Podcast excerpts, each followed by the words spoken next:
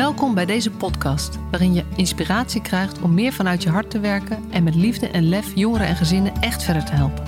Voel je waarde, voel de passie voor je vak, voel je professional vanuit je hart.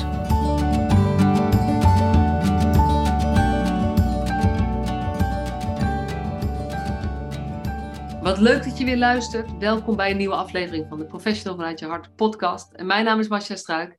En ik kijk naar het lachende gezicht van Patricia de Roos, die uh, uh, op een andere plek, ik denk ergens in Flevoland, Almere, misschien Lelystad, ja. uh, op kantoor zit.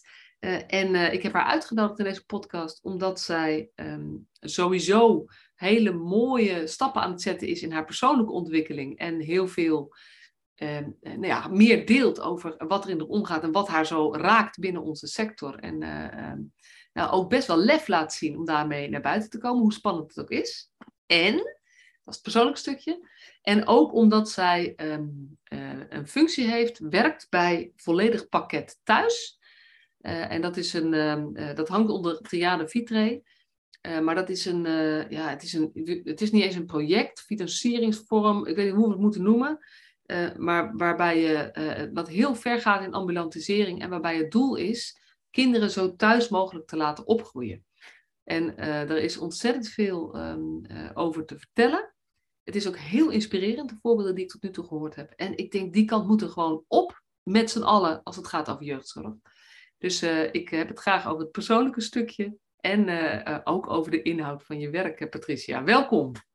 Dankjewel. Ja, nou, je bent een beetje zenuwachtig, zei je al hè, van tevoren. Dus we beginnen gewoon met een bekende vraag. Dat maakt het makkelijk. Daar heb je even over na kunnen denken. En ben jij een professional vanuit je hart? Ja, daar heb ik zeker over na kunnen denken. Um, ik ben nu een professional vanuit mijn hart. Nee. Ja, dat ben ik niet altijd geweest. Nee. Wil je er iets over vertellen? Over, over nou ja, hoe het eerst was, wat er gebeurd is en, en, en waarom nu wel? Ja, ik heb um, uh, uh, heel lang op een groep gewerkt.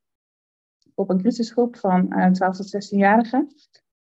nee, van 6 tot 12-jarigen, sorry. Um, en um, wij werkten daar als team. En dat betekende ook dat, dat nou, best wel wat complexe gevallen ook daar. Nou, dat we dan als team zeg maar bedachten hoe gaan we dat dan aanvliegen? Hoe gaan we dat dan doen? en dat ik daarin steeds steeds meer moeite had met de manier waarop we dat dan eenlijnig met z'n allen deden. Um, en dat ik daarin, in al die jaren dat ik daar heb gewerkt, dus ook echt wel regelmatig uh, dingen gedaan heb of uh, richtlijnen gevolgd heb die we samen uitgezet hadden, waar ik, uh, nou ja, waar ik niet goed achter kon staan en waar ik ook niet trots op ben. En dan, dan, weet je, als je dit zegt, dan denk ik meteen aan van die dingen die ik ook van groepen ken. Van joh, weet je, hij reageert gewoon zo, uh, zo met druk gedrag op als, uh, als hij aan tafel zit. Dus uh, laten we, en dan, nou ja, gewoon een gedragsregel waarvan je eigenlijk denkt, ja, maar dit is niet meer wat je van een kind, weet je, dit kind is ook gewoon zes of zo. En dat je dan toch met z'n allen op die gedragslijn uitkomt, bijvoorbeeld. Ja, ja, weet je, niet per se van, dit, ja, het waren kinderen met best wel complexe, complexe problematiek. En wat ik heel erg lastig vond, is het moment dat een kind dan dat ongewenste gedrag laat zien, dan zit er iets achter. Dat doen ze omdat ze getriggerd worden ergens in, omdat er iets is waar ze moeite mee hebben. En als dan vervolgens de afspraak met elkaar is dat we, dat we een kind naar boven brengen, uit laten razen op zijn kamer en dan zelf aan de buitenkant uh, staan, de deur vasthouden, zodat ze niet naar buiten kunnen, dan is dat niet wat dat kind op dat moment nodig heeft. Um, maar dat is wel uh, uh, waarvan ik nu zie, of althans waar in de, in de loop van de jaren zeg maar, dat dat ook gewoon niet hetgene was wat passend was. Dus wat, ging wrijf, wat, wat wrijving gaf ook in um, uh, mijn gevoel, dus het nou, vanuit je hart werken zeg maar, met deze kinderen. En daarnaast dan de afspraken die je als team maakt. En wat voor gevolgen het dan heeft voor, de, voor de overige mensen in het team als je daarin een andere keuze maakt. Ja, ja. ja precies. Dat is, ik heb het wel eens eerder verteld in deze podcast. Dat ik, ik heb onlangs een uh, filmpje gezien van uh, Gabor Maté. Die, uh, volgens mij is een Canadese tra tra trauma-specialist. Die eigenlijk zegt, we, hadden, we hebben het medisch model. Nou, dan krijg je zeg maar dat. En je hebt een gedragsmodel. Nou, het competentiemodel is daar natuurlijk een, een voorbeeld van. Waarbij je inderdaad zegt, als gedrag is, dan hebben we een vaste aanpak. Maar daarmee doe je de mens geen recht eigenlijk gaat het over een andere laag. Het gaat over, uh, over ben je er voor de ander. In die emotionele ja. laag, zeg maar. Uh, want als, je, als dat je lukt, dan heb je minder dat gedragsmodel of dat medisch model nodig, zegt hij. Precies. Ja, ja. Ja, dus nou ja, goed. Dus, dus daar, en je hebt daar lang gewerkt volgens mij, hè? Ja, ja, 15 jaar. Ja. En hoe heb je dat dan volgehouden? Ja, omdat het werken met de doelgroep zelf was echt fantastisch. En ehm, eh, los van de, afspraken zeg maar, die er waren, was er ook echt wel ruimte om ehm, daar gewoon te staan als, als uh, een van de medewerkers. Dus daarin je eigen werkwijze te vinden. Ehm, en voor jezelf te kijken van, weet je, wat werkt daarin dan fijn voor mij? En wat voelt daarin goed uh, in het contact met de ander? Dus ik heb er ook wel echt heel veel uitgehaald. En ik heb daar ontzettend veel kunnen leren. Zowel zeg maar over de functie, maar ook over het gedrag van de kinderen en over um, uh, um, waarom ze daar kwamen en wat dan het vervolg moest zijn. En um, nou, ik denk wel dat we een mooie, waardevolle bijdrage hebben kunnen doen. weet je, als we nu, ondanks dat ik er niet altijd uh, positief naar terugkijk, de kinderen die ik uiteindelijk nog heb kunnen en mogen spreken, die wij jaren geleden daar op de groep hadden, die hebben niet per se een negatief verhaal. En dat doet me dan wel goed. Ik denk van, weet je, ondanks dat het voor mij dus niet altijd goed voelde, zijn er wel ook uh, uh, nou, mooie dingen gebeurd en hebben ze dus niet per se um, een heel negatief beeld of een, een negatieve ervaring overgehouden aan uh, de periode dat ze bij ons daar op de groep verbleven. Ja, ja precies. Dat is, dat is ook heel mooi. Maar je zegt ook mooi dat, dat het ging dus eigenlijk niet eens over dat wat jullie deden niet goed was, maar het ging over het matchte niet met jou. Precies, ja. Ja, en dat versterkte um, um, nou vertienvoudigd op het moment dat ik zelf moeder werd. Um, dus zelf uh, mocht ervaren wat die onvoorwaardelijke liefde inhoudt die ik kan voelen voor zo'n voor zo'n klein mens. en dat ik me toen ook bedacht van, maar vanuit dat gevoel, zeg maar, wat betekent dat dan ook voor de omgang met een kind van een ander? Ja. En wat betekende dat? Nou ja, dat dat voor mij echt wel een kantelpunt was waarop ik tegen mezelf heb gezegd, ik ga nooit meer iets doen waar ik niet achter sta. Ja. En dat dat ook echt wel hele mooie uh, situaties heeft opgeleverd uiteindelijk. Ook in heftige, heftige situaties met kinderen. Maar dat heeft ook uiteindelijk erin geresulteerd dat ik uh, de overstap heb gemaakt naar ambulant werken. Ja, precies. Omdat je dan, weet je, dat is natuurlijk in een team, het is ook zo logisch en begrijpelijk. Dus het gaat ook niet over dat groepen uh, dat dat niet goed is. Dat is helemaal niet de issue. Maar de issue is eigenlijk, als je in zo'n team werkt, dan heb je gewoon wel. Um, je hebt ook bepaalde afspraken over hoe je bepaalde dingen aanpakt. En dat moet ook voor een bepaalde uh, herkenbaarheid en, en veiligheid. Um, maar op het moment dat jij op een punt komt dat je denkt, ik ga nooit meer iets doen waar ik niet achter sta, dan ja. wordt in een team samenwerken met teamafspraken, uh, dat klinkt dan heel vervelend, maar wordt ook wat ja. lastiger. Ja, klopt. En daar is natuurlijk ook nog wel um, zeggen dat je iets niet meer doet omdat je er niet achter staat vanuit frustratie of vanuit niet gehoord worden. Uh, of in ieder geval vanuit een negatieve emotie is dan wel weer wat anders dan dat je zegt van ik doe nooit meer iets waar ik niet achter sta, um, omdat ik het op een andere manier wil doen. Ja. En dat is wel een omslagpunt. Ik, ik heb daar nog wel even langs moeten gaan. Ja, ja snap ik. Ja, eerst, eerst is het gewoon eigenlijk de, uh, uh, gewoon heel hard nee zeggen. Ja. En ja. vervolgens, daar moet je doorheen om op een gegeven moment te komen, oké, maar waar zeg ik dan eigenlijk ja tegen? En dan wordt dat veel meer de drijfveer. En dan is de lading inderdaad van die, van die kreet, ik doe nooit meer iets waar ik niet achter sta, wordt anders. Ja. Ja, ja. Dus die, die stap naar ambulant was eigenlijk, nou ja, op een gegeven moment ook, was logisch, maar ook onontkoombaar. Maar ja. gaf je ook um, de mogelijkheid om jouw ja meer te volgen. Klopt, um, want uh, als ambulant hulpverlener uh, werk je ook in een team, maar werk je ook meer natuurlijk een beetje ja, als een soort van ZZP'er binnen een organisatie. Uh, wat maakte dat ik gewoon mijn eigen caseload had en dat ik dus daarin um, ja, wel kijken naar wat kan er allemaal, maar wel veel meer ruimte kreeg om daadwerkelijk te kunnen doen wat er nodig was. Ja, ja. Want ben jij, um, ben je gewoon als bij een gewone ambulant hulpverlening tak gestart of ben je meteen ja. gestart waar je nu werkt? Nee, nee, ik ben gestart als, uh, als uh, intensief pedagogische thuishulpverlener. Het is gewoon ambulant gezinsbehandeling. Um, dus um, nou, gezinnen die binnenkomen met een opvoedvraag. Um, waarvan uh, nou ja, de minder complexe steeds minder er zijn. Dus het waren vaak wel vrij complexe vragen. maar die veel vroeger ook in de samenwerking met anderen. En ja, dat waren wel, wel hele leuke uitdagingen. Maar wel vanuit ambulante hulpverleners echt uitvoerend binnen het gezin. Oké, okay, ja, echt uitvoerend binnen het gezin. Ja. ja. En nou ja, nu um, heb je nog een, een, stap gemaakt. Ja, ja. Het is wel leuk om even duidelijk een bruggetje te maken over hoe ik hier dan terecht ben gekomen. Ehm, want wij, uh, wij hebben binnen de organisatie uh, zijn we bezig met een omslag naar schemagerichte benadering.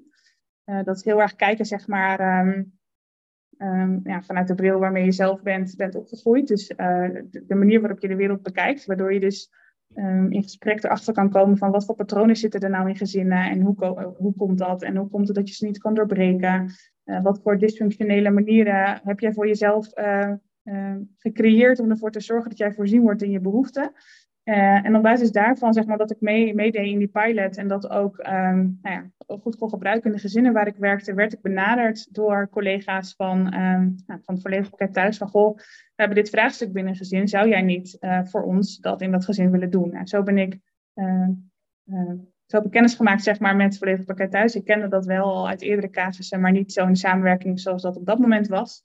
En dat is eigenlijk, uh, eigenlijk vond ik dat heel erg leuk. En nou vervolgens uh, kwam er wat onrust ook binnen de organisatie, wat verloop. Um, werd het ook steeds moeilijker met, met verwijzers. En uh, nou, weet je, dan, dan had je een verlenging nodig naar hemel en aarde bewegen. Terwijl eigenlijk de vraag heel helder was. Ik vond het best ingewikkeld. en kwam er een vacature vrij voor trajectregisseur. En toen heb ik heel hard nagedacht, wat ga ik nu doen? Um, omdat dat wel, nou ja, ik ben nu minder uitvoerend zeg maar dan dat ik was in de gezinnen. Dus het zijn hele andere trajecten. Ja, je hebt een heel, nou, de trajecten, zijn, je rol is heel anders. Klopt, ja. Gezinnen zijn zeg maar voor een deel hetzelfde, maar je rol is heel anders uh, geworden. Ja. Want trajectregisseur, dat vind ik altijd heel leuk. Kan je ook trajectregisseur vanuit je hart zijn? Ja, ja. ik denk dat wij, uh, wij zijn met een klein team, we zijn met z'n vijven. En ik durf wel te zeggen dat we alle vijf echt uh, trajectregisseurs vanuit ons hart zijn. Um, wij werken heel erg uh, gericht met de richtlijn samen beslissen. Samen beslissen met ouders en jeugdigen. En daar Misschien nog even één stapje terug, hè, want dit is eventjes hoe jullie werken. Um, uh, volledig pakket thuis. Wat is daar zo uniek aan? Want dit klinkt eigenlijk als wat, nou ja, wat we al eigenlijk sinds de jaren 80, 80 proberen. Hè? Zo licht mogelijk, zo kort mogelijk, zo dicht mogelijk bij huis en thuis ondersteunen enzovoort volledig pakket thuis is wel, jij zei net, het is echt best wel uniek. Ja. Kan je dat over vertellen? Um, nou ja, um, in principe is het natuurlijk de bedoeling dat we allemaal meer bezig zijn met ambulantiseren. Dus dat er meer 24 uur bedden verdwijnen en we meer gaan kijken naar um, hoe kunnen kinderen op, uh, op een andere manier uh, opgroeien. Dus niet op een groep, maar nou, zoveel mogelijk thuis. En dat heeft onze organisatie opgepakt door nou, product, ik vind dat een beetje een vervelend woord. ik zeg altijd liever zorgmiddel, uh, om, om het volledige pakket thuis nou ja, te laten bestaan en verder te ontwikkelen. En um, wat wel mooi is en wat wij doen, is dat op het moment zeg maar dat, uh, nou ja, we hebben ook wel eens gezinnen die nog helemaal niet zo heel erg bekend zijn met hulpverlening, maar we zien ook heel veel gezinnen waar al heel veel hulpverlening in heeft gezeten. Um, en waarin dan eigenlijk mensen, ja, weet je, we weten het niet meer. En um, nou, weet je, uh, dit kind kan eigenlijk niet meer thuis wonen. Of het kind woont al op de groep. Maar, maar dat is de vraag van, goh, eh, zijn er nog mogelijkheden om wel terug naar huis te gaan? Ik denk dat wij heel goed zijn in het samen met het gezin verkennen van die, uh, die mogelijkheden die er nog wel zijn. Um, Om dan samen erachter te komen wat er voor nodig is om de stap te maken naar zo thuis mogelijk. En dat hoeft niet te betekenen dat een kind 24-7 thuis is. Maar dat is wel dat we heel goed kijken naar wat is het meest passend. Uh, weet je, hoe zet je een gezin weer in zijn kracht? Um, en creëer voor een kind een zo fijn mogelijke uh. Ja, en ik, ik denk dan ook, uh, want je noemt even, het zijn soms kinderen die al uit huis zijn. Um, wat je natuurlijk, wat, nou ja, wat, ik, ik, ik, geef veel trainingen. Ik heb zelf in de, in de uitvoering gewerkt, ooit. Dat is wel, nou ja, niet honderd jaar geleden, maar lang geleden. Maar um, ik geef natuurlijk veel trainingen en dit thema blijft toch wel terugkomen dat er kinderen op groepen zitten um, die ook natuurlijk zeg maar best lastig zijn soms in hun gedrag. Maar vooral, waar vooral de situatie zo ingewikkeld is dat ze niet thuis kunnen wonen, maar die, die, uh, waarbij, het, waarbij je ook merkt, ja, de groep, dat is, nou ja, ik, ik weet niet of er kinderen zijn voor wie groepen wel zeg maar de beste oplossing is ever. Het is vaak toch een noodgreep of zo, omdat iets anders niet te vinden, niet te realiseren is. Ja. En dan gaat ja, van een groep naar een volgende groep. Nou ja, dan komen we in de carousel terecht dat we niet willen. Nee, nee en wat wel mooi is, uh, even aanhaken op wat je nu zegt, is dat wij regelmatig dus vanuit een crisissituatie Uh, dus dat, dat een kind bijvoorbeeld in het pleeggezin zit of al heel lang op de groep zit en dat het dus echt niet meer gaat. Dat dan uiteindelijk er toch nog de vraag komt, maar zijn er dan niet toch mogelijkheden uh, om het anders te doen? Het is jammer dat dat nu nog vooral dan vanuit zo'n crisisvraag komt, maar we hopen dat, dat er een beweging gaat komen, um, uh, dat er veel eerder gekeken gaat worden naar, maar wat kan er dan nog wel? Dat nou, I'm in. Kom op zeg. Dit is echt, als we het hebben over verbetering van de jeugdzorg, en dit kan gewoon. Ja. Weet je, dit is niet, laten we kijken of het kan. Het kan. Alleen we moeten met z'n allen anders gaan kijken, anders gaan handelen. En eerder gaan kijken naar hoe dan wel, in plaats van het is beter dat niet. Of zoiets. Ja, we zien dat, dat um, um, verwijzers, dus zowel zeg maar vanuit het, um, het open kader als vanuit het gedwongen kader, dat ze ons wel steeds sneller nu vinden. Dat het niet alleen vragen zijn van dit kind is er al uit, kunnen we kijken of die terug kan, maar dat er ook vragen komen van joh, we zitten met deze situatie. willen jullie met ons meedenken over wat voor mogelijkheden er nog zijn? Ja, ja. En dat is wel echt een hele fijne ontwikkeling. Ja. ja, en even, dat hebben we volgens mij nog niet gezegd, maar dit project, deze, dit bestaat in Flevoland en West-Overijssel, hè? Bij jullie, ja, jullie ja. niet. Wij doen het onder, onder de vlag van Triade Vitre en die zit inderdaad in heel Flevoland um, en in de IJsselanden. Ja, en, de, en alle gemeenten die daar uh, onder vallen, um, daar, daar is dit beschikbaar, zeg maar. Um, in principe, ik weet niet of ik nu helemaal het goede zeg, maar wij werken met een samenwerkingsverband, dus met een aantal grote aanbieders op het moment dat er een vraag binnenkomt, dan wordt er bepaald zeg maar, onder welke organisatie uh, moet dan de, de hulpverlening plaatsvinden. Op het moment dat die wordt toegewezen aan ons, dan wordt in principe wordt inderdaad uh, met, met bijna elke gemeente samengewerkt die daaronder valt. Ja, precies. Ja, want het is natuurlijk, weet je, daar moeten we ook even eerlijk over zijn. Het is niet de goedkoopste interventie die er bestaat. Ja, maar dat ook niet zeker hoor, dat je dat zo zegt. Want enerzijds denk ik, mensen denken dat omdat wij werken vanuit de 24 uur beschikking, dat is natuurlijk een hartstikke dure beschikking. Maar ik denk uiteindelijk als je kijkt naar effectiviteit. Kijk, als je een kind hebt dat anderhalf jaar lang ehm, eh, op een groep zit, 24 uur beschikking op een groep. En als je kijkt naar dat wij die 24 uur beschikking gebruiken voor en echt wel een um, hele uitgebreide taxatie van goh, wat is nou de situatie en um, wat maakt dat, dat tot nu toe dingen niet goed genoeg hebben gewerkt en wat hebben jullie nou eigenlijk nodig? en dat we dan vervolgens de, de hulpverlening die nodig is, dat we die uh, dat we eigenlijk, eigenlijk, maken we gebruik van die 24 uur beschikking als een soort van zak met geld. Um, dus wij kunnen de regie houden over de hulpverlening, omdat we binnen die 24 uur beschikking de hulpverlening uitzetten die nodig is. En op het moment dat je dat doet, en dus na dat onderzoek en na het advies en na het uitzetten van die hulp, trajectregie doet over het hulpverleningsproces. En wij doen dan echt, uh, nou, weet je, minimaal elke zes weken evalueren, soms wel vaker waardoor je ondervangt dat er een nieuwe crisis komt en dat je kan op- en afschalen of iets anders kan doen als dat nodig is, omdat je de regie hebt over die 24 uur beschikking. En op het moment dat het allemaal lekker loopt en je ziet dat de hulpverlening effectief is, dan stappen wij eruit en dan gaan die producten die zijn ingezet over op gewoon lokale beschikkingen. Dus uiteindelijk uh, denk ik dat het helemaal niet duurder is dan, uh, nee. dan een 24 uur beschikking inzet op residentieel. Nee, ik ben, weet je, ja, ik smul hiervan. Ik, terwijl ik moet denken aan de train die ik gisteren gaf. En dat uh, hebben we een voorbeeld uitgewerkt van twee kinderen die nu in een pleeggezin zitten waar ze niet kunnen blijven. Dus nu wordt er inderdaad nog weer een, een onderzoek gedaan van kunnen ze dan misschien toch terug naar een van de mhm. ouders? Uh, of anders wordt het, um, uh, ja, wordt het op dit moment een gezinshuisplek als die al te vinden is. Maar eventjes in theorie, zeg maar. Ja. Toen zei ik ook heel snel, oké, maar hoe oud zijn deze kinderen nu? Nou, ze waren, um, het waren twee kinderen uit hetzelfde gezin, uh, rond de tien. Dus ik zei eventjes voor het gemak zeggen, we, we hebben nog acht jaar te gaan um, voor deze kinderen. En uh, nou ja, bij moeder konden ze niet, uh, dat gaat niet. Maar bij vader is het heel twijfelachtig. Dus toen zei ik, maar als we nou eens anders gaan denken, van, ja, weet je, het is heel twijfelachtig, ja. Maar wat voor hebben we eigenlijk beschikbaar? Je zou kunnen zeggen, je hebt twee keer acht jaar keer, nou ja, een gezinshuisplek is 60.000 euro, zeg maar. Als je eventjes, misschien ja. meer, geen idee, heel grof even 60.000. Dus dat, dat is dan, als je zo gaat denken, ja, maar dat is eigenlijk het totale bedrag waar we het dan over hebben.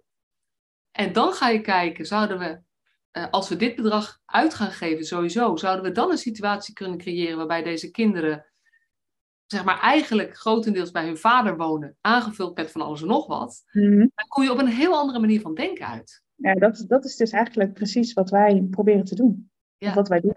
proberen te doen. Dat is wat wij doen. Ja, ja, precies. Ik denk, ik ga het even lekker. Ik, ik gooi een eigen voorbeeld erin, dan dat ik, ik wel een beetje weet waar het over gaat, dat ik denk waar het over gaat.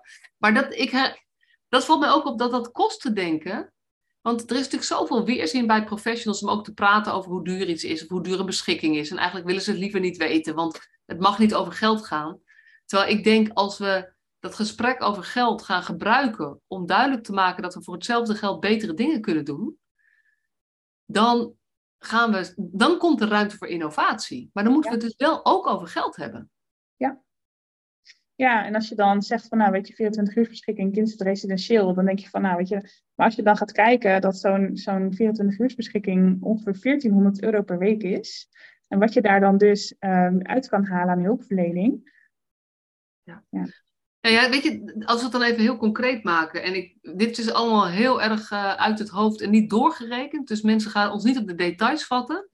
Maar 1400 euro per week is gewoon dus een plaatsing op een groep, 24 uur. Dus, dus een week op een groep plaatsen. Om er nabij, ja. Om er nabij. Maar je zou ook kunnen zeggen, dat is um, uh, 14 uur ambulante begeleiding. Ja.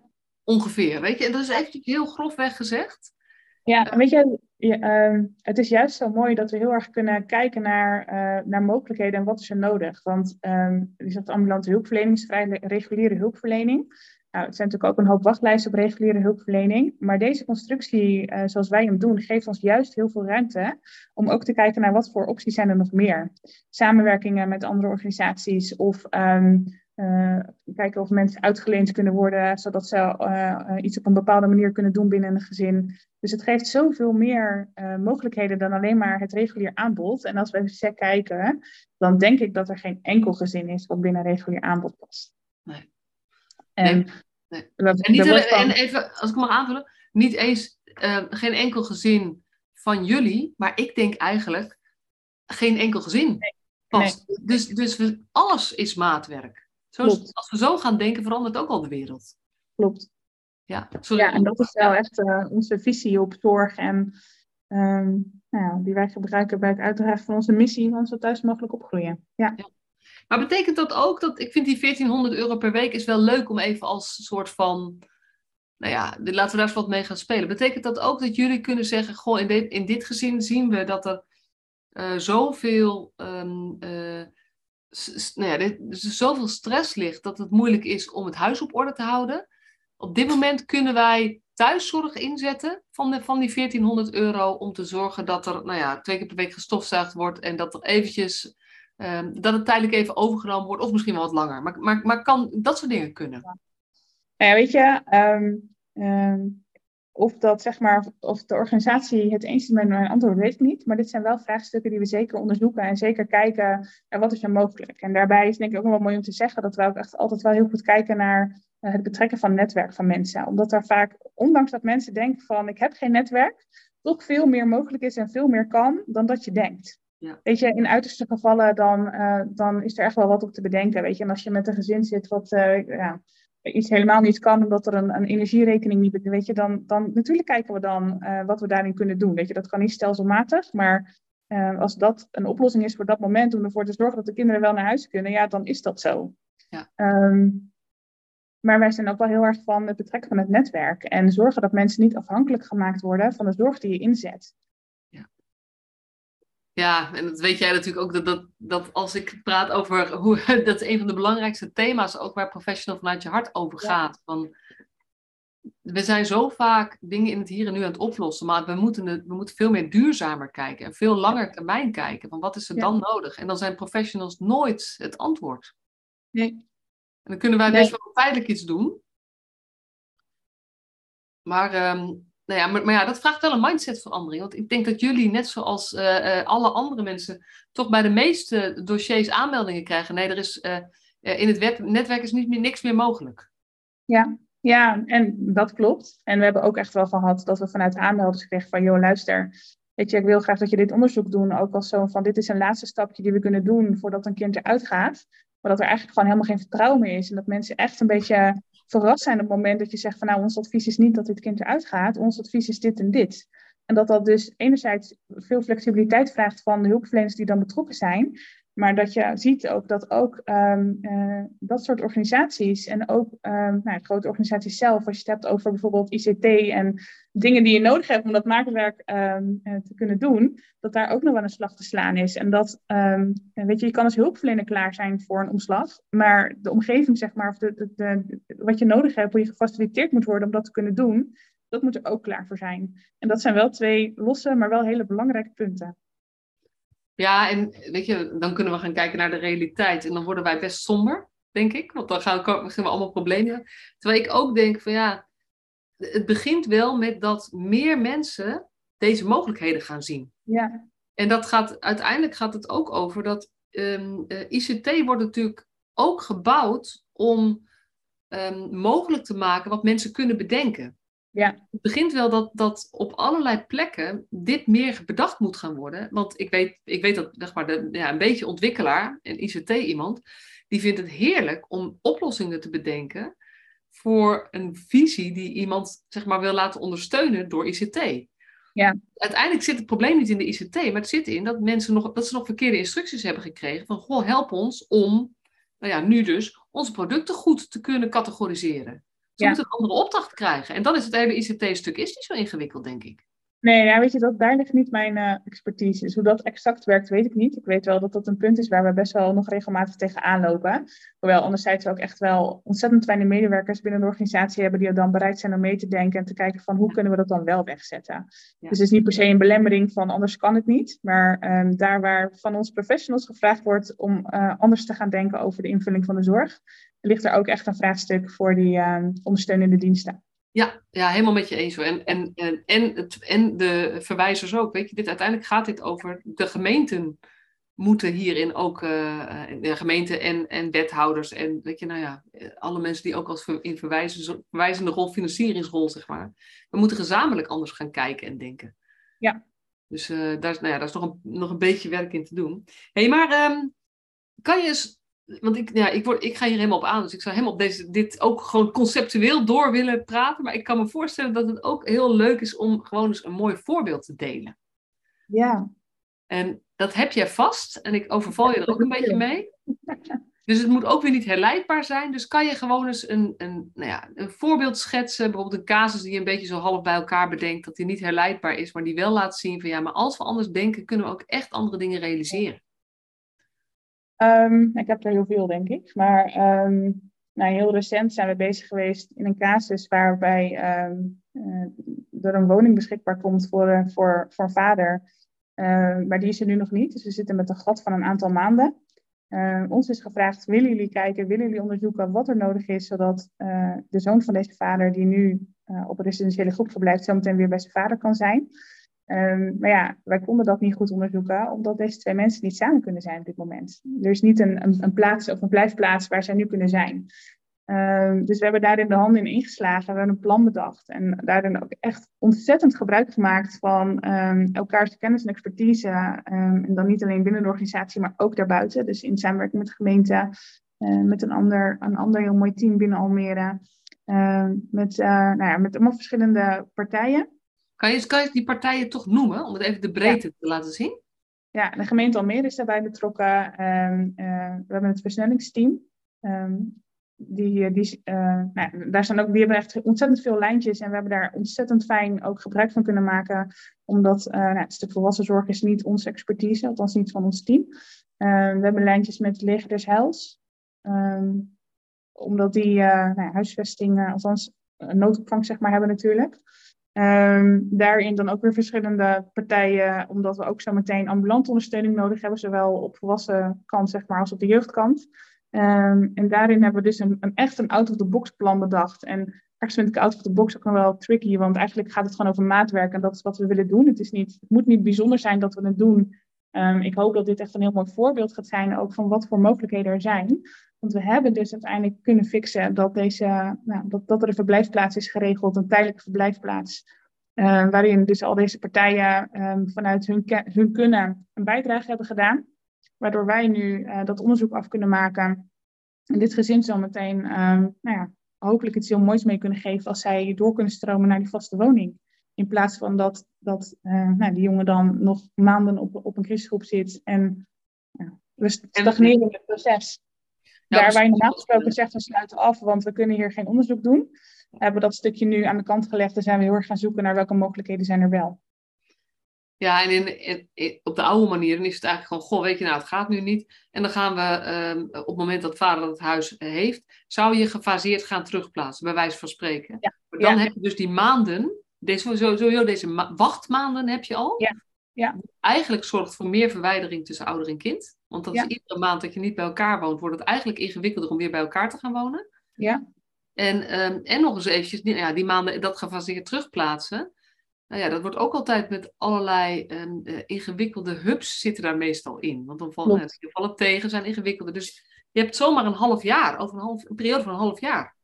Ja, ja. klopt. Weet je, dit is dan een, een nou, vrij complexe vraag.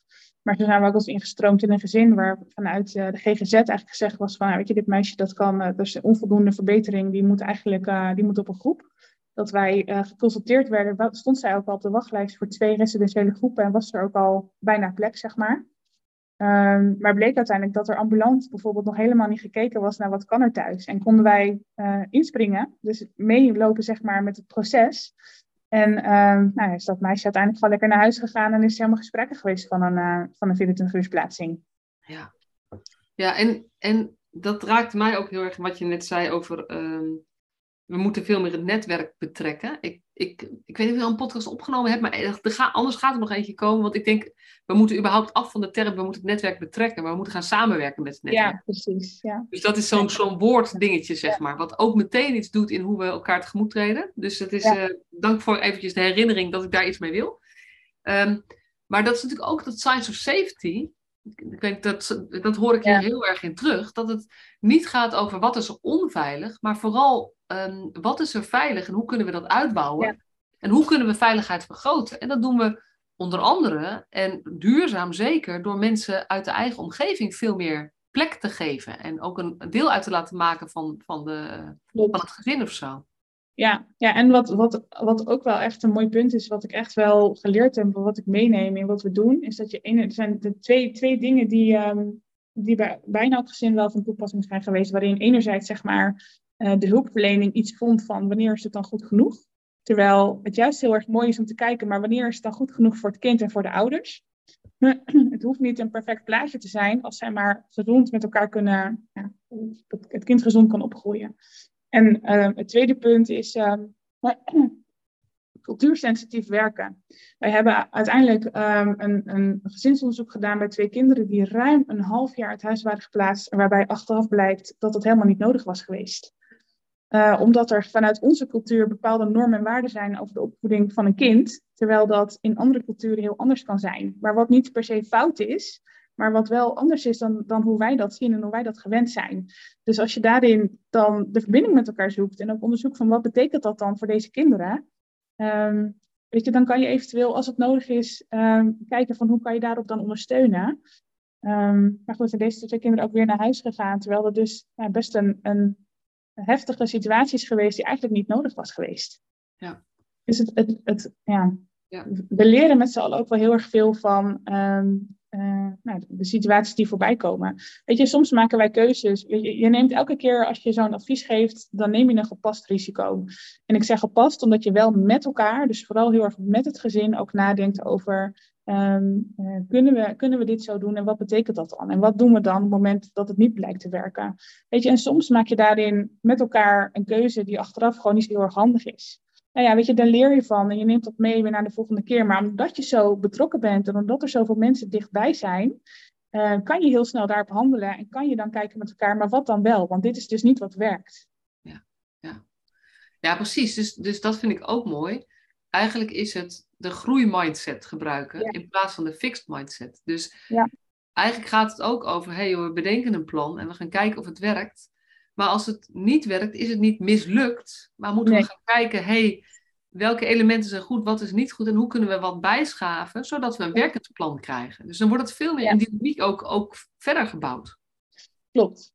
Ja, weet je, en, en wat, wat we nog best wel veel zien, is dat er veel gedacht wordt vanuit problemen. En als je praat over een probleem, dan is er dus een oplossing. Terwijl bij heel veel gezinnen is er meer sprake van een beperking. En uh, daarmee bedoel ik dat er dan of een problematiek is of een situatie uh, die gewoon is zoals die is. Soms moet je ook um, verdragen en accepteren dat iets is zoals het is. En dan gaat het dus niet over het oplossen van een probleem. Dan gaat het erover hoe kun je deze mensen weer empoweren en zorgen dat zij leren omgaan met de uitdagingen die zij als gezin of die een kind heeft. Ja. Ja, precies. En het woord beperking is dan, weet je, dat, dat is dan zo'n, zo'n ook, daar hoor ik jou ook een beetje over aarzelen, maar het gaat veel meer over, het is een, uh, uh, iets wat is. Het is een gegeven. Ja. Het is niet, iets wat, het is niet wat, iets wat, maar het is iets wat gewoon blijft, wat is en blijft. En soms is dat een be beperking en soms is ja. dat gewoon een verzwaring van het leven. En soms precies. is het een uitdaging of soms is het, hé hey joh, je moet gewoon, ja, je zult een aantal dingen die je in je hoofd had als zo je je leven zou leven, zul je moeten aanpassen doordat nou ja, de realiteit nu eenmaal anders is. Dus het is veel meer de realiteit als uitgangspunt nemen, eh, waarbij een aantal dingen ook ja, onveranderbaar klinkt dan wel heel erg dramatisch, maar toch wel een soort van eh, onveranderbaar zijn. Of veel meer gaat van hoe ga, hoe ga je hiermee leren leven? Precies, ja. En dan heb je dus gewoon over misschien wel een heel erg lang traject. En dan niet per se hele zware hulpverlening. Maar wel voldoende ondersteuning om te kunnen zorgen ja. dat, um, dat het goed genoeg is. Ja. Weet ja. je, en als je elke keer dan blijft sturen op oplossen en op fixen. Um, dan, dan creëer je eigenlijk als hulpverlening zelf die faalervaring na faalervaring. Want dat is niet hetgene wat zo'n gezin dan nodig heeft. Ja, dus eigenlijk um, heel veel interventies richten zich erop dat iets wat nu een, um, een, een 5 is, dat dat uh, een 8 wordt of een 7,5. Dat zou fijn zijn. Dan zijn we tevreden. Dat is goed genoeg. Dan kunnen wij met een gerust hart afsluiten. En wat jij bedoelt is, eigenlijk zouden we moeten kijken hoe maken we van die, van die 5 een 5,5 en dat het een 5,5 blijft. Soms, hè? 5,5 ja, of 6, of dat het in ieder geval niet meer. Nee, weet je, we moeten ook accepteren dat het misschien geen 8 wordt. Klopt. Ja. En die, die 5,5 is, is, ja, weet je, ja, dat is geen onvoldoende. Dus ja, dat, dat is ook gewoon. En dan, dan hebben wij iets te doen als hulpverleners, dat we soms vanuit ons eigen kader kinderen of mensen iets anders zouden gunnen. Maar ja, de, de realiteit is gewoon anders. Ja. En als wij vanuit ons gunnen uh, willen dat zij veranderen, dan vragen we soms ook onmogelijke dingen van mensen. Ja. En weet je, wel eens de opmerking gehad van een, van een nou, van iemand die, uh, uh, die dan zei van ja, maar dit kind is gewoon in het verkeerde gezin geboren. En dat zijn echt uitspraken die raken mij zo diep dat ik echt denk van, maar dit is wel het, het gezin van het kind. Dit is zijn gezin van herkomst. Dit is waar deze mensen moeten het met elkaar gaan doen. Ja. Ja. Nou ja, ja. En het grappige is, dit klinkt zo logisch, want ik denk dat iedere hulpverlener eigenlijk zegt, ja, nee, ja, natuurlijk, bla, bla, bla. En toch is dit precies waar we op een gegeven moment zeggen, ja, dat vinden we wel, maar hier dus niet. En eigenlijk ja. zeg jij, ja, maar hier moeten we gewoon radicaler zijn. Ja. Kinderen horen bij hun gezin. Ja, weet je, en de vorm daarvan, kijk, zo thuis mogelijk hoeft niet te betekenen dat een kind 24-7 bij, bij uh, zijn eigen gezin thuis is. Dat kan ook betekenen dat je deeltijd bijvoorbeeld ergens anders woont. Of dat ouders op een andere manier in hun kracht worden gezet, waarbij er wel een hele fijne um, uh, woonomgeving voor het kind is. Ja. ja. Dat maakt niet uit. Als je maar met elkaar kijkt hoe je dat zo goed mogelijk vorm kan geven. Ja. En, en, dan denk ik ook aan um, de voorbeelden die ik zelf ken van kinderen die echt nou, bijvoorbeeld een gezinshuis opgroeien of zo. Waarbij de ouders de, de, de dagelijkse zorg nooit op zich kunnen nee, nemen. Precies. Maar er wel voorbeelden zijn waarbij er een, een, een vorm van bijna co-ouderschap is, doordat die ja. ouders in het gezinshuis een plek hebben. Ja. En, dat, ja, en dat vraagt iets van de gezinshuisouders, dat weet ik wel. Maar als we redeneren vanuit de kinderen en de gezinnen en de ouders waar we, zeg maar, ja, die onze klant zijn, onze cliënt zijn, zeg maar, dan, dan, ja, dan, dan is hier ook nog veel meer in mogelijk dan we nu realiseren. Ja, zeker weten. Ja.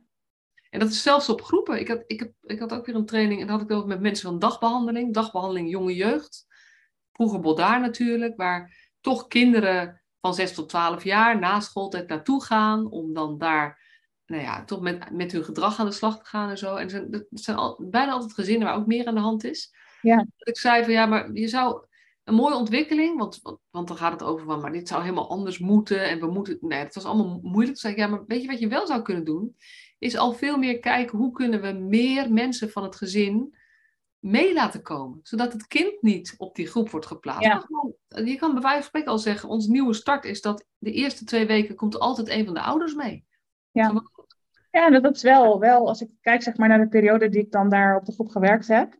We hadden regelmatig ouders die dan bijvoorbeeld uh, na het eten kwamen en hun kind lekker gingen douchen en een verhaaltje naar bed. Of die kwamen om uh, te komen koken op de groep. Of uh, weet je, um, waar, waar een ouder betrokken kan worden, is echt alleen maar super mooi. Ja. ja, en dat we dat dan niet als dat we niet dat de uitzondering zien. Want dat is zeg maar nog vaak wel, het gebeurt wel eens. En dan zijn we, ja, maar wij hebben laatst ook een keer een ouder op de groep gehad. En dan zeg ik altijd, dat is super mooi. En hoe ga je nou zorgen dat dit de standaard wordt? Ja. En daar zit wel een andere manier van denken, weet je. En, en dat hoor ik jou ook zo mooi zeggen. Um, van je hebt een out-of-the-box voorbeeld die zegt, ja, het is eigenlijk zonde dat ik het out-of-the-box wil noemen. Want eigenlijk zou ik willen dat we gewoon altijd van daaruit redeneren. En misschien is dit wel het verschil een beetje. Ja, en weet je, als je met elkaar wil veranderen, dan is het niet zo dat je een plan bedenkt van dit is het uitgangspunt, dit, hier willen we naartoe. En dat je van de een op de andere dag daarheen kan. Ik denk dat verandering juist vraagt dat we gaan uitproberen van, maar wat werkt dan, wat werkt niet en wat nemen we daar dan van mee? Ja. Dat er gewoon ruimte is ook om uh, uh, soms keuzes te maken die misschien niet zo handig zijn, maar waar je wel uiteindelijk weer veel van leert. Ja, ja. In plaats van dat we daar mensen op afrekenen, wat heel veel gebeurt. Ja. En ook onszelf. Hè? Het is niet alleen dat we hard zijn, naar, maar we zijn ook hard naar onszelf. Want dan hebben we ja. als het gevoel van, ja, blijkbaar kunnen wij dit niet. We kunnen beter een andere specialist inzetten. Ja. Terwijl, nou ja, dat is wel weer een wisseling van hulpverlening voor heel veel mensen. En soms Klopt. is het ook gewoon zeggen, joh, ik heb dit nu, nou ja, dit bleek blijkbaar niet te werken. Laten we eens kijken als we een andere bocht nemen met elkaar, of dat beter uitpakt. Ja. Ja, ja en ook meer, meer kunnen en durven doen van hetgene wat wel werkt. Ja, ja, ja, ja.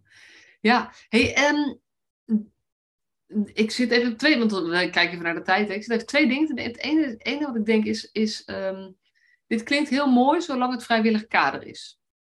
Nou ja, nee, we hebben echt wel veel te maken ook met, uh, met gedwongen kader.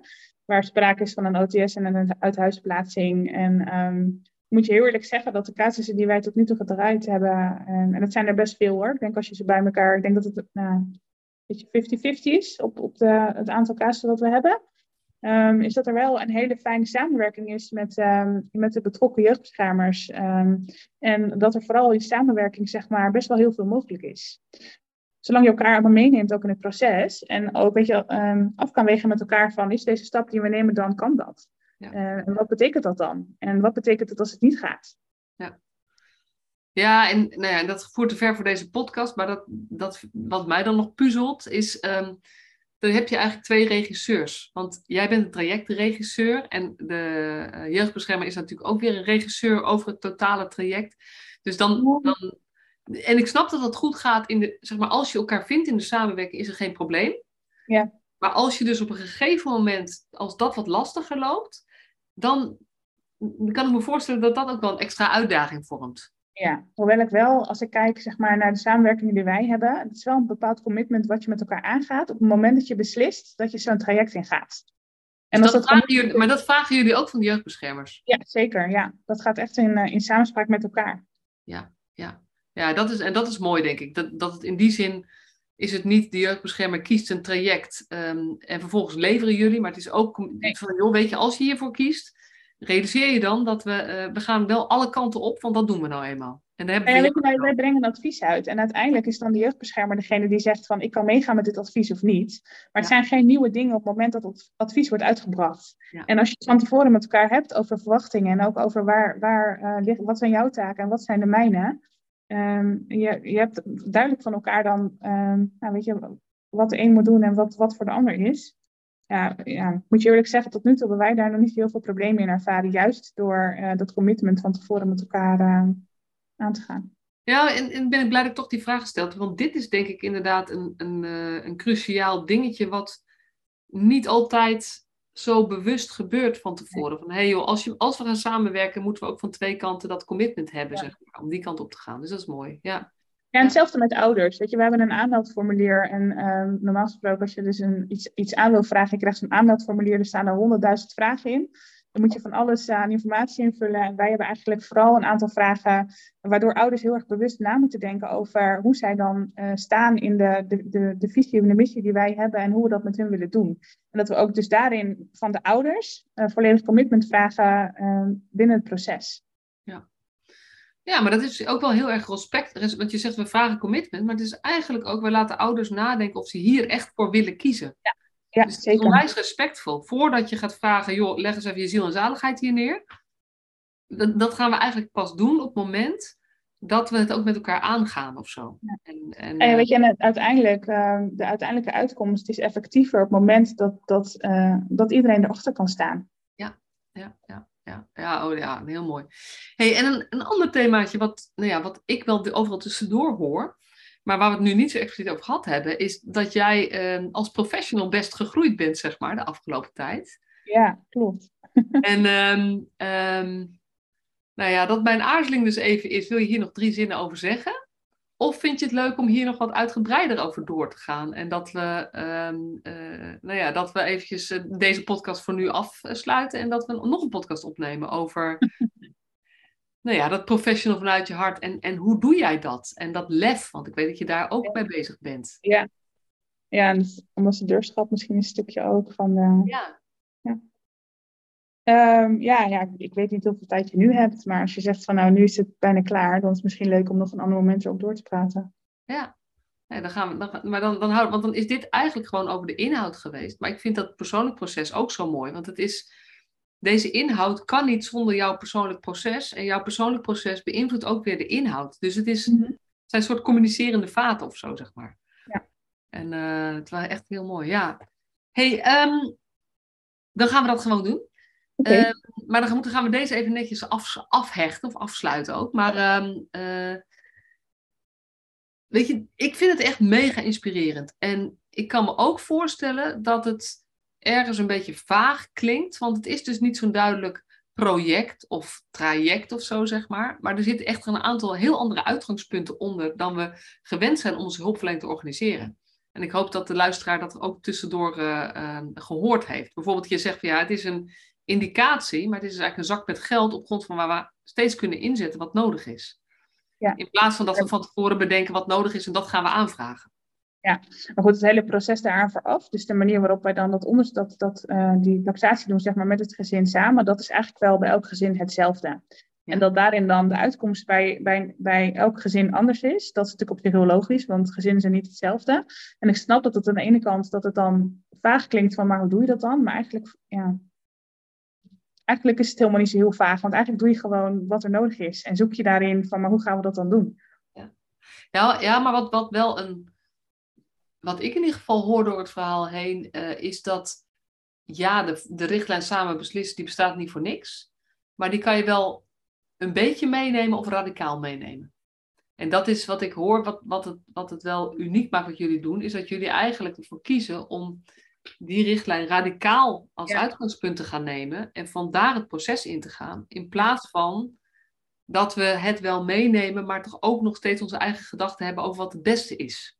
Ja, ik zal het je sterker vertellen. Er is echt, echt ontzettend hard gewerkt, eh, onder andere door ehm, nou, collega's van mij, ook mijn werkbegeleider, om het hele eh, het, het verslag wat wij maken, zeg maar, de hele taxatie, ehm, eh, die is echt helemaal geschreven, helemaal gericht op die richtlijn. Dus al die punten uit die richtlijn, die komen stapsgewijs terug in dat, ehm, in dat verslag. Ja. Dus hij is gewoon, hij is gedekt, geborgd. Ja, en dat is, ehm, nou ja, dat, en daar, daarom blijft het wel een beetje vaag. Want dat gaat ook heel erg over houding. En dat gaat heel Ja. erg over je professionele mening. Die, die krijgt een andere waarde in Ja. zo'n proces. Als je dit proces aangaat, gaat het over echt gelijkwaardig samenwerken met de gezinnen. Ja, in plaats van ehm, wel heel goed naar ze luisteren, maar toch je eigen mening net ietsje belangrijker vinden. Dus, dus daarom is het, het is niet vaag, maar het, het is moeilijk om, om eh, ja, aan te geven waarom dit het zo anders is. Dat zit volgens mij hierin. Ja. Ja. Hey, ehm, super bedankt voor, eh, voor alles wat je met ons deelde. Ik, ik word er heel blij van. Voor het, eh, luister, voor het geval je het niet in de gaten hebt, lieve mensen. Ik word hier heel blij van. Ik geloof in dat dit een goede, ehm, goede beweging is. Ehm, en, en dat het ook helemaal niet zo makkelijk is allemaal in de praktijk. Maar dat het vooral een kwestie is van doen. En kijken eh, hoe kunnen we dit steeds een beetje beter gaan doen. Want zo kunnen we mensen gewoon meer helpen. En dat, dat ja, weet je, natuurlijk het mooie is dat Patricia werkt bij een, eh, ehm, op een plek waarbij dit gemandateerd is en zelfs gewoon, gewoon echt mag, zeg maar. En ehm, eh, waar jullie er ook over mogen vertellen. Maar dit, je kan wel een aantal van dit soort elementen al veel meer meenemen waar je ook zit. Als je nu op een groep werkt, als je nu ambulant werkt. Misschien is dat een mooie vraag als afsluiter uh, aan jou. Weet je, stel nou dat je tegen je jongeren zelf praat, die op de groep werkt. Um, of tegen jezelf als een gewoon ambulant werker. En je weet wat je nu weet over hoe mooi dit proces is. Wat zou je dan meegeven van, hey joh, maar ook binnen jouw werk kun je nu al een stapje deze kant op. Door bijvoorbeeld, nou ja, dat uh, ja, is een moeilijke vraag, hè? Ja. ja. Nou ja, ik denk dat ik mijn jongeren, ik vooral een stukje bewustwording mee zou willen geven over de kleine stapjes die ik toen al maakte, maar die ik zelf niet zo goed kon zien, zeg maar, um, door hoe de situatie in zijn totaliteit was als ik zie zeg maar, hoe ik zelf uh, stapje voor stapje uh, nou, ben gekomen tot waar ik dan nu ben en hoe ik er nu in sta, dat is niet, dat is niet van de een op de andere dag geweest. Dat heeft altijd al in mij gezeten en ergens heb ik steeds toch een beetje ruimte gezien of gevonden om te voelen en te ervaren uh, hoe dat was. Dus ik denk dat, dat een tip misschien vooral is dat je soms ook echt wel even mag vertragen en even stil mag staan bij um, wat doe ik dan eigenlijk precies en waarom doe ik dat dan? En voelt dat dan wel goed? En wat zou ik dan anders willen? hoe kan ik dat dan doen? En dan met name kijkend naar wat je kan binnen je eigen cirkel van invloed. Daar hebben we het net natuurlijk ook al even over gehad. Um, want daar kan eigenlijk best wel heel veel. Ja, en dat lijkt me een super mooi opstapje naar de volgende uh, podcast. Want eigenlijk zou je kunnen zeggen, jouw cirkel van invloed ben je steeds een beetje aan het vergroten. Ja. En dat is deels onbewust en deels is dat bewust. En uh, nou ja, als jullie benieuwd zijn naar dat proces, luister dan vooral ook uh, de volgende aflevering met Patricia. Dankjewel voor deze tot nu toe. Jij ook ontzettend bedankt.